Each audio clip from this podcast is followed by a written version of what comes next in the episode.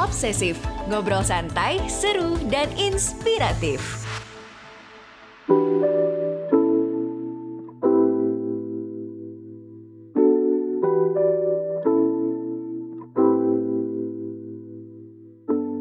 Halo teman obsesif, welcome back to Podcast Obsesif. Nah, di episode kali ini kita akan berbincang bersama Senior Investment Associate di Skystar Capital, yaitu Andreas Dimasius tentang bagaimana potensi teknologi dalam bidang kesehatan khususnya di Indonesia. Perkembangan teknologi yang semakin cepat dapat kita rasakan selama satu dekade terakhir, khususnya di masa pandemi ini, di mana sebagian besar kegiatan daring yang kita lakukan selalu melibatkan teknologi. Tentunya hal ini membuat kita semakin penasaran sampai mana sih sebenarnya teknologi ini dapat membantu serta menyokong kehidupan kita menuju ke tahap yang lebih baik dalam hal kesehatan. Di Indonesia, layanan konsultasi kesehatan dalam penanganan COVID-19 dan target vaksinasi masih menjadi prioritas utama dalam fokus pemerintah di bidang kesehatan. Tentunya teknologi digital di segmen kesehatan atau health tech dapat menjadi alternatif yang berpotensi untuk mengakselerasi dan juga mendemokratisasi akses kesehatan. Lantas seberapa besar potensi health tech berkembang di Indonesia dan apa saja yang dapat menjadi penghalang perkembangannya? Langsung saja kita simak wawancaranya yang akan dipandu oleh Suliana Andiko, Audio Project Manager Medio by KG Media. You better stay tuned, teman obsesif.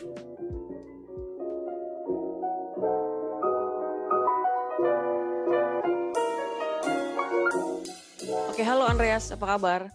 Halo Suli, baik, baik, apa kabar? Sehat-sehat? Sehat.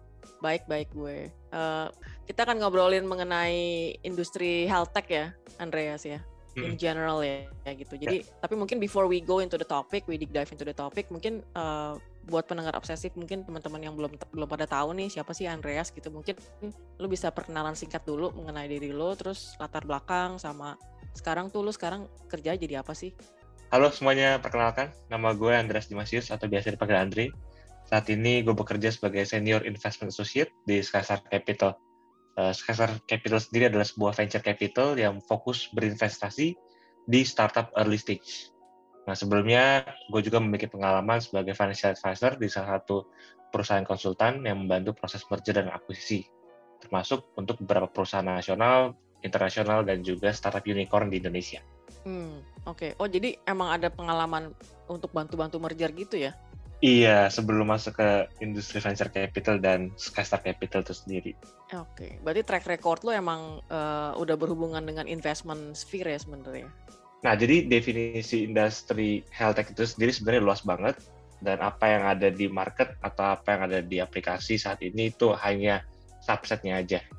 Nah, health tech itu sendiri bisa diartikan atau memiliki definisi yaitu semua layanan kesehatan yang bisa dideliver atau bisa disampaikan melalui teknologi. Nah, definisinya itu sendiri atau kategori itu sendiri ada beberapa, bisa dibilang eh, aplikasi seperti kayak Halodoc, eh, Alodokter itu termasuk dalam eh, definisi telemedicine. Di sisi lain kita juga punya eh, deep tech atau biotech, misalnya beberapa startup yang berbasis di US atau mungkin di eh, Europe yang fokusnya untuk mengidentifikasi virus dan lain sebagainya. Kemudian ada lagi online farmasi. Online farmasi ini fokus untuk memberikan akses atau platform untuk menjual obat-obatan yang terjangkau dan langsung dideliver ke pasien atau konsumen. Seperti itu. Hmm, oke. Berarti kalau lihat di eh, di Indonesia gitu ya, sebenarnya health tech ini terpengaruh dari pandemi banget nggak sih jadi terakselerasi?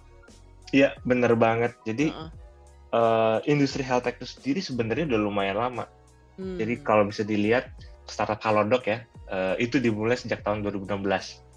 oh, Atau. Alodokter, itu Hmm. dimulai dari tahun 2014. Tapi namanya paling kedengeran kan di tahun lalu ya, ketika pandemi, kemudian orang-orang jadi lumayan ragu untuk ke dokter ketemu fisik, mereka akhirnya membuka atau mencari alternatif untuk bisa berkonsultasi. Nah, startup-startup inilah kemudian muncul dan eh, dapat hype atau mungkin dapat attention yang begitu besar tahun 2020. Kalau bisa dilihat mungkin dari beberapa artikel berita startup Halodoc, uh, Ala Dokter atau Grab Health, mereka bisa bilang uh, traffic mereka naik sekitar 4 sampai 5 kali lipat atau 400 persen uh, dari traffic sebelum pandemi. Jadi bisa dilihat sebegitu besar magnitude yang dihasilkan akibat pandemi pandemi ini ke startup-startup telemedicine tersebut kayak gitu. Hmm, see. Tapi kalau ada nggak uh, katalis lain yang mempercepat adaptasi health tech tersebut? Dan apakah itu sudah merata di semua Indonesia ya? Tingkat kemerataannya menurut lo? Iya, nah sebenarnya kalau ngomongin katalis, eh, tadi pandemi hanya, hanya salah satu katalis. Jadi ada katalis-katalis lain yang mempercepat penetrasi telemedicine. Yang pertama saya lihat eh, itu akses terhadap pelayanan kesehatan. Gitu. Nah saat ini akses terhadap pelayanan kesehatan itu masih jauh dari standar internasional. Kalau bisa dibilang OECD mereka membuat suatu standar setidaknya untuk 1000 populasi ada 2,6 dokter yang tersedia di negara tersebut. Tapi di Indonesia kita baru punya 0,3 dokter untuk 1000 populasi. Hmm, nah, angka wow, ini kan okay. jauh banget ya jauh kalau ngomongin. banget ya. Bener, bener. Tapi itu baru dari numbers. Nah, hmm. Nah, kalau lihat di lapangan, angkanya atau ketimpangannya jauh lagi lebih terasa. Jadi kalau e, berdasarkan data terakhir ya, di Jakarta aja ada sekitar 6.000 uh, eh, spesialis. Ini di kota Jakarta, DKI Jakarta ya. Tapi di satu pulau Papua itu hanya ada sekitar 300 atau mungkin 350 spesialis untuk mengcover satu uh, satu provinsi. Gitu. Nah, apakah orang-orang di Papua jauh lebih sehat dibanding orang Jakarta? Enggak juga. Gitu. Nah, akses ini atau ketimpangan ini uh, akan jauh lebih terasa untuk daerah-daerah yang ada di uh, second tier atau third tier cities gitu. Di mana mereka mungkin butuh waktu travel atau transportasi satu even bahkan sampai dua jam. Mungkin di atas 20 km untuk ketemu spesialis. Hal yang orang-orang di Jakarta nggak pernah ngerasain ya. Mungkin kita yeah. jalan 100 meter ada rumah sakit, kemudian 500 meter lagi ada puskesmas atau klinik kayak gitu. Nah, hmm. itu uh, faktor kedua kenapa health tech itu uh, akan sangat uh, membantu untuk meningkatkan akses. Yang ketiga sih, uh, gue melihat dari biaya kesehatan itu sendiri. Jadi kalau lihat uh, pertumbuhan biaya kesehatan ya atau healthcare spending dari tahun ke tahun itu bertumbuh lebih cepat dari pengeluaran untuk uh, biaya hidup atau beli barang. Jadi istilahnya uh, healthcare inflation. Nah di Indonesia ini healthcare inflation-nya masih masih double digit. Meaning mungkin tahun ini bayar dokter 100 ribu, kalau bertumbuh double digit sekitar 15 persen, tahun depan kita bayar dokter 115 ribu. Gitu. Nah, dengan adanya health tech ini juga eh, akan sangat membantu untuk membuat biaya healthcare itu sendiri lebih terjangkau gitu. Kalau tadinya mungkin untuk orang yang ada di pelosok uh, Sulawesi atau mungkin di bagian Aceh atau Medan untuk bisa berkonsultasi dengan dokter spesialis, mungkin mereka mengeluarkan biaya 300 500 ribu plus transportasi ya gitu. Minimal untuk di Jakarta kan eh, mungkin transportasinya jauh lebih rendah, biaya dokternya juga mungkin terjangkau untuk kebanyakan orang di Jakarta. Nah, dengan telemedicine dan akses yang terbuka, biaya untuk berkonsultasi akan jauh lebih terjangkau dan biaya-biaya lainnya seperti misalnya transportasi itu bisa dikurangi sehingga nantinya akan mempengaruhi inflasi kesehatan yang mungkin akan jauh lebih rendah gitu ya dengan adanya healthcare. Dan ini jadi faktor yang membuat industri health tech di Indonesia sebenarnya akan sangat menarik di beberapa tahun ke depan. Hmm, oke, okay, that's interesting. Dengan tren tadi gitu ya yang udah jelasin tadi ya, sebenarnya hmm. uh, gimana sih sisi dari dari lu sebagai bagian dari pemodal Ventura melihat hal ini gitu? Iya, jadi gue ngeliat sebenarnya dari sebagai pemodal Ventura yang melihat fenomena dan opportunity ke depan ini akan jadi sangat menarik karena perusahaan-perusahaan startup ini uh, butuh capital untuk bisa mengakselerasi industri gitu ya. Nah, selain mereka butuh iya capital, yes, mereka juga butuh pengalaman gitu. Nah, sebagai pemodal Ventura, kita udah sebenarnya udah melihat replikasi dari kemajuan teknologi di bidang commerce atau e-commerce gitu ya, bidang perdagangan dan juga financial technology atau bidang keuangan gitu secara garis besar sebenarnya mirip-mirip. Apa yang terjadi di commerce apa yang terjadi di financial institution dan apa yang sekarang uh, terjadi di industri healthcare gitu. Dan kita sebagai pemodal Ventura uh, sangat mungkin atau uh, bisa banget untuk share uh, apa apa aja sih lessons learn-nya yang bisa kita bagikan ke pelaku-pelaku usaha di industri healthcare ini sehingga mereka bisa lebih cepat lagi untuk mengakselerasi pertumbuhan bisnisnya berdasarkan lessons learned yang di, uh, didapat dari industri-industri lain. Jadi mereka nggak melakukan kesalahan-kesalahan dari industri lain lah, gitu bisa. Uh, that's a nice explanation ya. Nah kita bisa move uh, next mungkin uh, ke potensi healthcare di Indonesia. Nah kalau Andreas lihat ya sebenarnya apa saja sih faktor-faktor yang menjadikan Indonesia ini sebagai pasar uh, yang potensial untuk pertumbuhannya health tech terlepas dari uh, jumlah dokter yang sedikit, mm -hmm. Uh, terus tadi juga mungkin biaya kesehatan yang semakin meningkat. Nah sebenarnya apa sih yang Andre lihat Indonesia punya faktor yang menjadikan uh, health tech itu pasar potensial? Iya, uh, mungkin setidaknya ada tiga uh, faktor yang membuat Indonesia ini bisa dibilang prime untuk health tech innovation. Jadi yang pertama, tentu saja ngomongin tech, kita ngomongin juga populasi masyarakat digital atau orang-orang yang udah hmm. digital savvy atau digital native gitu ya. Okay. Jadi kalau lihat data kan kita saat ini itu sekitar 73% orang lah di Indonesia itu melek uh, terhadap teknologi, mereka cakap menggunakan mungkin aplikasi WhatsApp, YouTube dan lain sebagainya kayak gitu dan angka ini terus bertumbuh setiap tahun jadi sebelum pandemi mungkin numbersnya sekitar mungkin 50 sampai 60 persen dan akibat pandemi lebih banyak lagi orang lebih comfort dan juga lumayan native atau cakap menggunakan teknologi itu sendiri. Jadi aplikasi-aplikasi yang sebelumnya mungkin nggak pernah tersorot atau mungkin tidak pernah digunakan seperti termasuk adalah healthcare uh, technology atau telemedicine dalam hal ini justru dapat uh, attention dan orang yang tadinya nggak bahkan mungkin nggak punya mereka download dan mereka kemudian berkonsultasi lewat uh, aplikasi tersebut untuk ketemu dengan dokter gitu. Jadi itu satu populasi masyarakat digital Indonesia masih terus bertumbuh di tahun-tahun ke depan. Yang kedua jumlah middle class di Indonesia. Nah ini menarik karena uh, ke depannya akan semakin banyak orang yang bisa membeli layanan kesehatan gitu.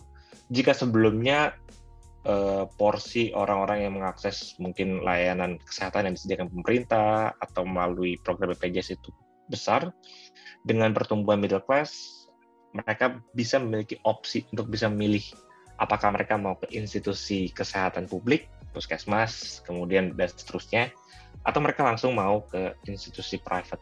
Nah, middle class ini juga memiliki fleksibilitas di mana mereka bisa mengakses layanan-layanan kesehatan yang disediakan oleh health tech startup gitu. Karena sampai saat ini pemerintah sendiri belum memasukkan uh, health tech startup sebagai bagian dari program mereka. Jadi kalau BPJS mereka masih diharuskan untuk ke fase pertama dan seterusnya. Oh, gitu. nah, itu yang kedua. Nah, yang ketiga menurut saya dari ini uh, eh, PR sendiri gitu ya, uh, itu kesadaran terhadap kesehatan gitu.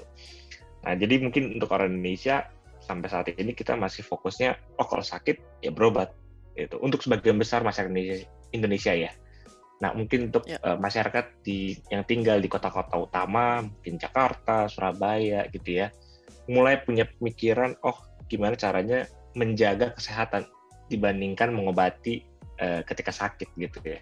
Nah, di situ muncul preventive wellness. Nah, preventive wellness ini juga membuka hmm opportunity atau produk-produk health tech lainnya yang bisa dimanfaatkan oleh masyarakat. Misalnya nih, salah satunya contohnya adalah bagaimana caranya mengawasi kalori intake gitu, atau sugar intake.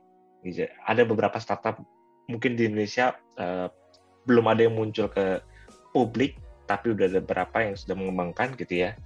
Dengan teknologi foto, sebenarnya kita bisa tahu, uh, oh kopi itu biasanya berapa sih sugar intake-nya, pakai sugar atau enggak? Atau mungkin kalau kita makan uh, nasi padang gitu ya. Atau mungkin kalau kita makan es krim gitu. Orang bisa foto orang bisa cek oh sugar intake dia hari berapa? Kalau mereka mau nurunin berat badan oh maksimal tuh mereka paling banyak tuh berapa sugar intake-nya. Nah uh, itu mungkin untuk apa uh, tujuannya untuk mengurangi berat badan tapi untuk orang-orang yang punya diabetes kemudian orang-orang uh, yang terkena penyakit uh, bersifat kronik gitu ya, uh, yang perlu makan setiap hari obat-obatannya, health tech itu bisa membantu itu dengan hal mengingatkan orang-orang atau memberikan reminder untuk mengkonsumsi obat-obatannya. Oh, Kayak gitu. Jadi sifatnya sekarang lebih preventive wellness ya? Iya, tren ke depannya tuh. Betul, betul banget. Itu akan sangat menarik sih karena emang saat ini kan semua orang ngerasa ya biaya pengobatan makin mahal dan eh, kenapa nggak kita ngejaga diri kita lebih sehat aja gitu dibandingkan mengobati ketika sakit. Iya, Gitu. iya. Iya, gue jadi ingat salah satu kutipan dari eh, Menteri Kesehatan kita ya, Budi Gunadisadikin ya. Di salah satu podcast dia menjadi guest star di situ. Eh, dia bilang "Men- kementerianku tuh bukan Kementerian Kesehatan tapi Kementerian Kesakitan gitu dia. Karena dana BPJS dia tuh malah banyak banget yang mengurusi orang-orang yang sakit tapi alokasi dana untuk menjaga masyarakat Indonesia supaya hidup lebih sehat itu malah kayak jauh gitu atau atau atau kayak belum menjadi hal yang primer gitu. Jadi ya itu selaras dari omongan lo tadi sih barusan. Bener, Gitu. bener. Jadi that- that's also a potential ya sebenarnya. ya. Yes, bener banget. Potensi ke depan eh, besar banget dan nantinya atau di jangka waktu lebih panjang gitu ya, mungkin 5 sampai 10 tahun ke depan, mindset orang juga akan berubah. Gitu. Kalau di US mereka udah kenal istilahnya value based care. Di Indonesia Hmm. kita masih masih asing terhadap eh, paradigma tersebut ya. Jadi orang-orang atau dokter tuh masih berupaya, oh kalau ada orang sakit, mereka datang ke rumah sakit, dokter dapat duit, gitu kan ya. Kita Iya. pas- pasien, kita ngeluarin duit.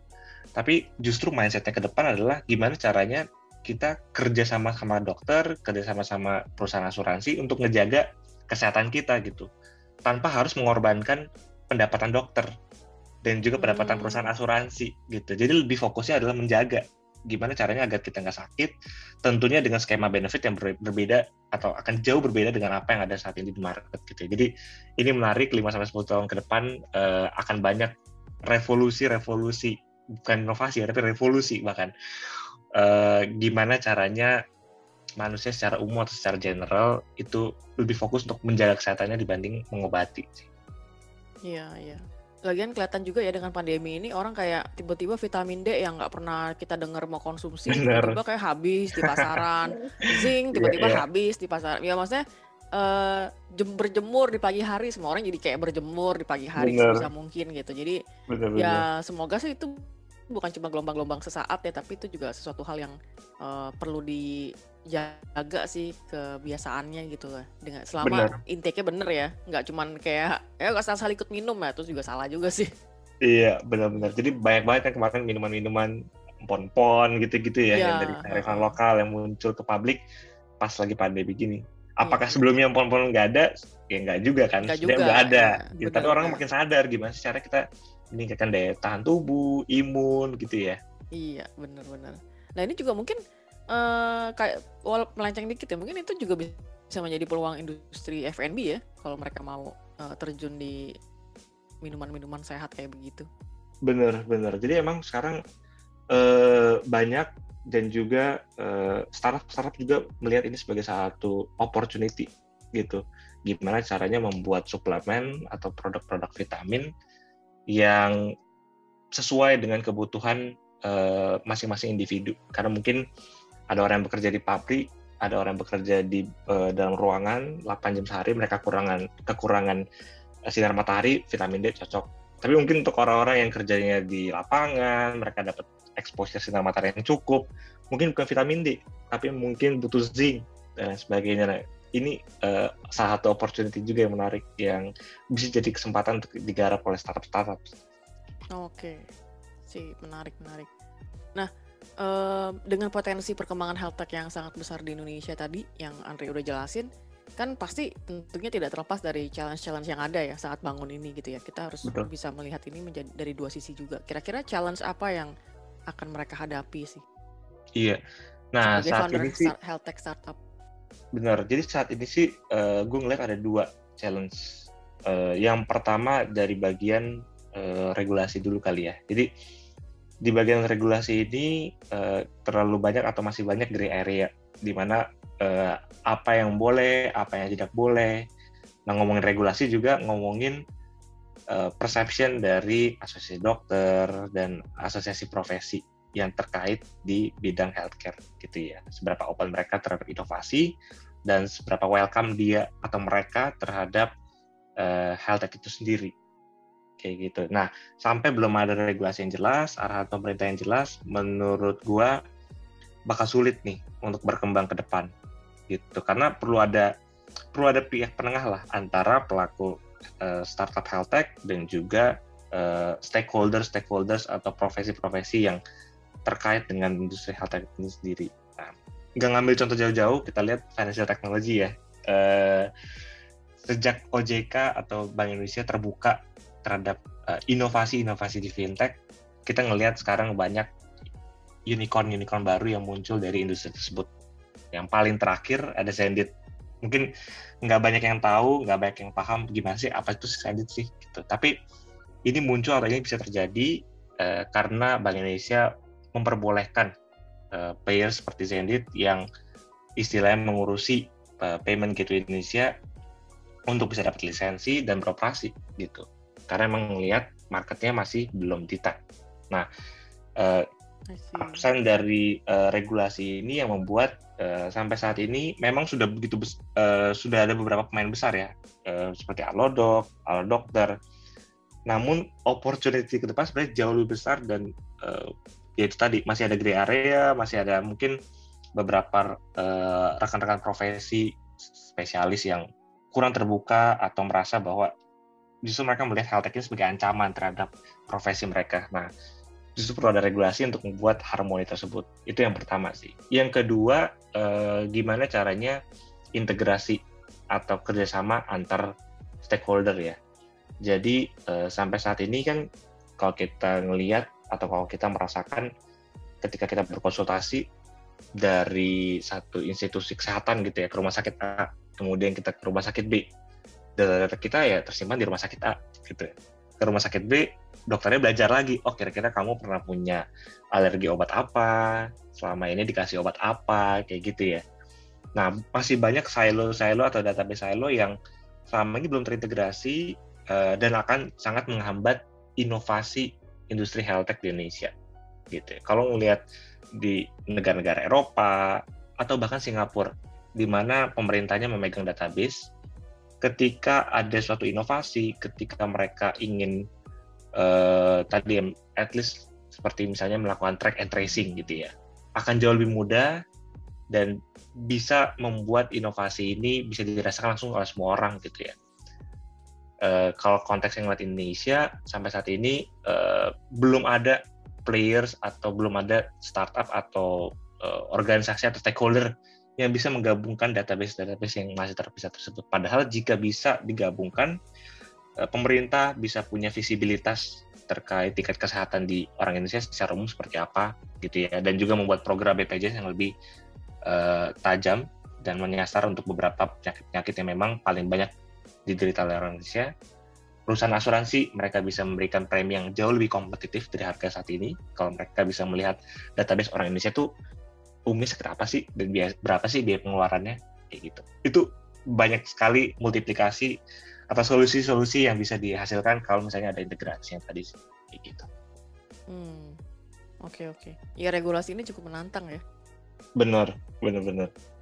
Ya. Karena mindsetnya mungkin selama ini orang ngeliat kayak ya kalau ngeliat industri transportasi gitu ya sampai ada demo-demo kayak gitu mm -hmm. ya karena ya itu tadi sih teknologi bisa dilihat sebagai suatu hal yang mengancam uh, bisa menciptakan masalah tapi justru harusnya adalah mindsetnya teknologi itu menyelesaikan masalah gitu ya uh, dan semua orang harus terbuka sih kayak gitu itu tantangannya tuh oke okay, oke okay. nah tadi menarik ya menyambung dari uh, apa jawaban Andre mengenai potensi uh, pasar digital Indonesia yang semakin ke depannya semakin membesar gitu ya tadi kan bilang mm -hmm. soal digital native ya.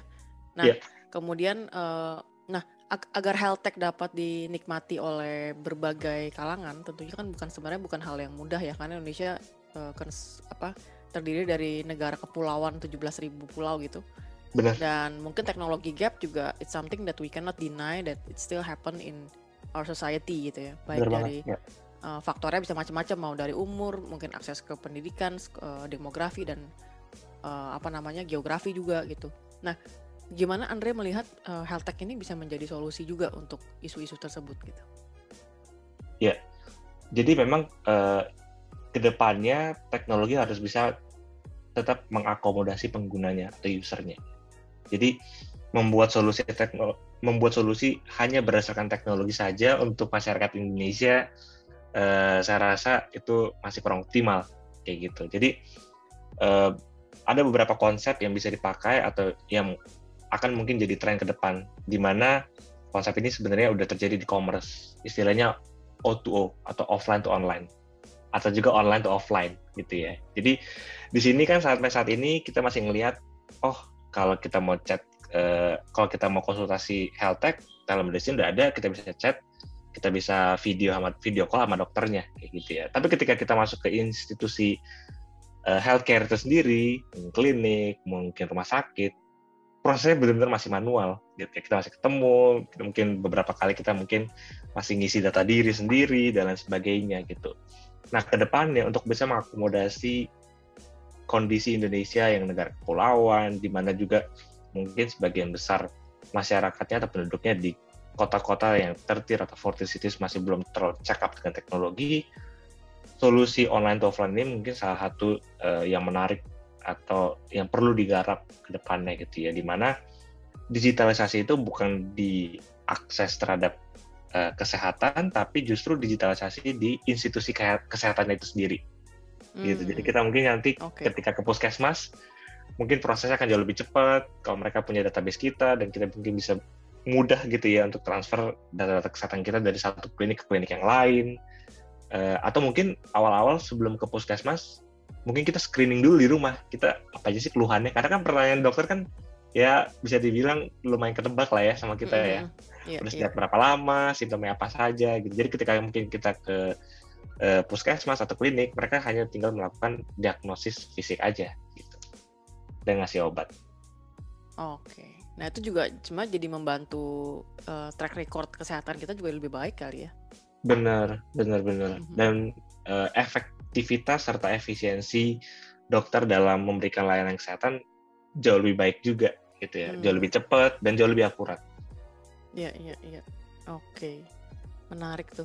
Nah uh, dari ekosistem health tech ini sendiri sebenarnya ada beberapa bidang yang menjadi satu dalam sebuah sistem kan kayak kesehatan, ekonomi, mungkin teknologi juga. Nah kira-kira sebenarnya uh, ekosistem apa saja sih yang bisa kiranya membantu mengoptimalisasi agar health tech juga dapat berkembang dengan pesat gitu.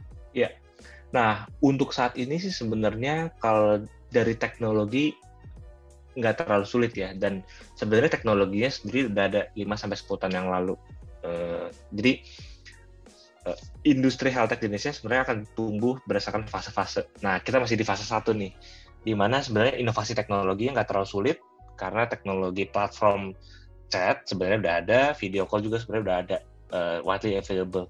Jadi ini bukan tantangan untuk Indonesia saat ini, tapi tantangannya itu sendiri lebih kepada infrastruktur, ketersediaan dokter, dan juga tantangan ekonomi.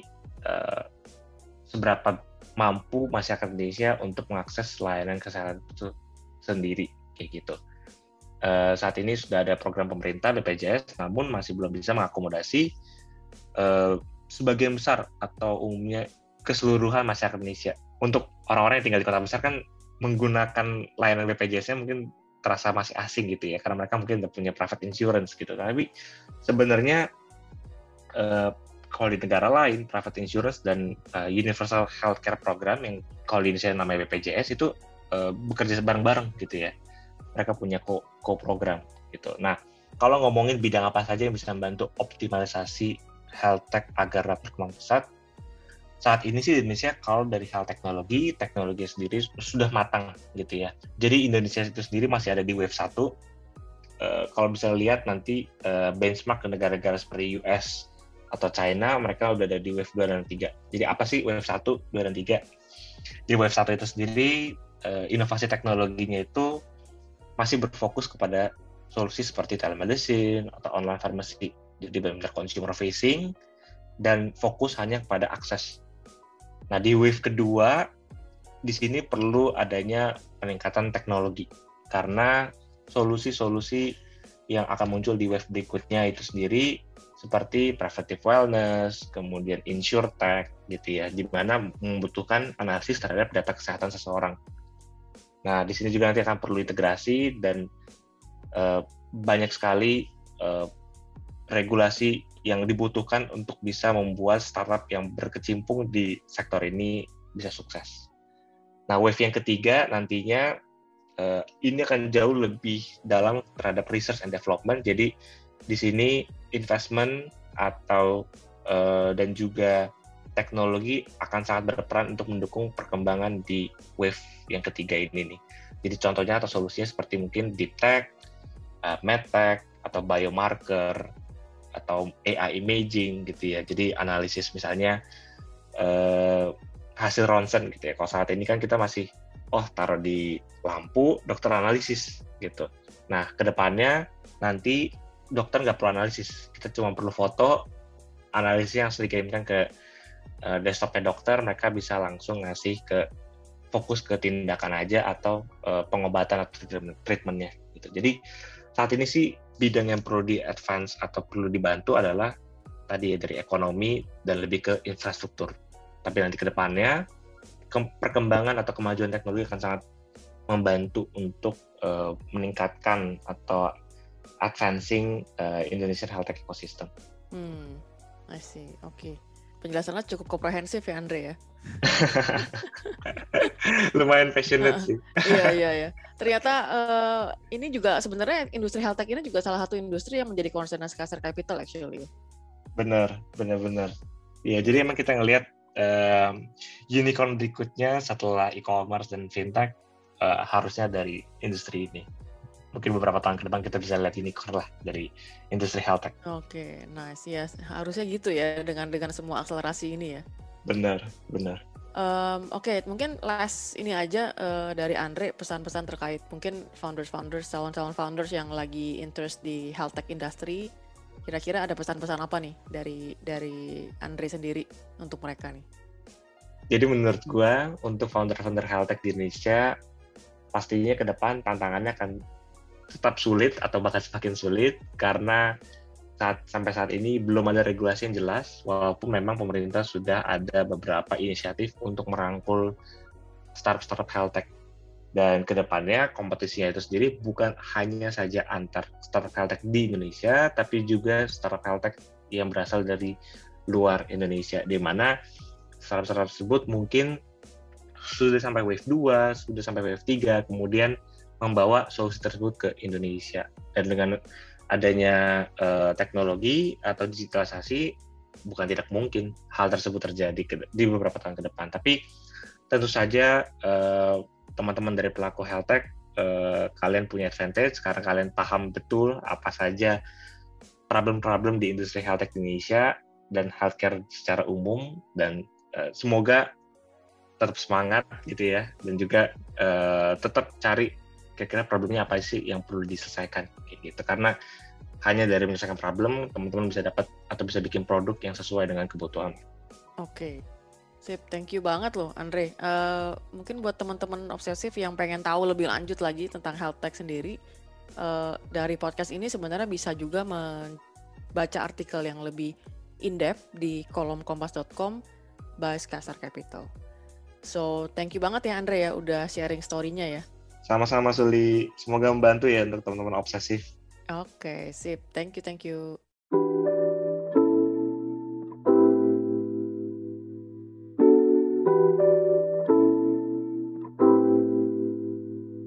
Akhirnya kita sampai di penghujung episode kali ini. Jangan sampai ketinggalan episode-episode terbaru yang pastinya nggak akan kalah menarik.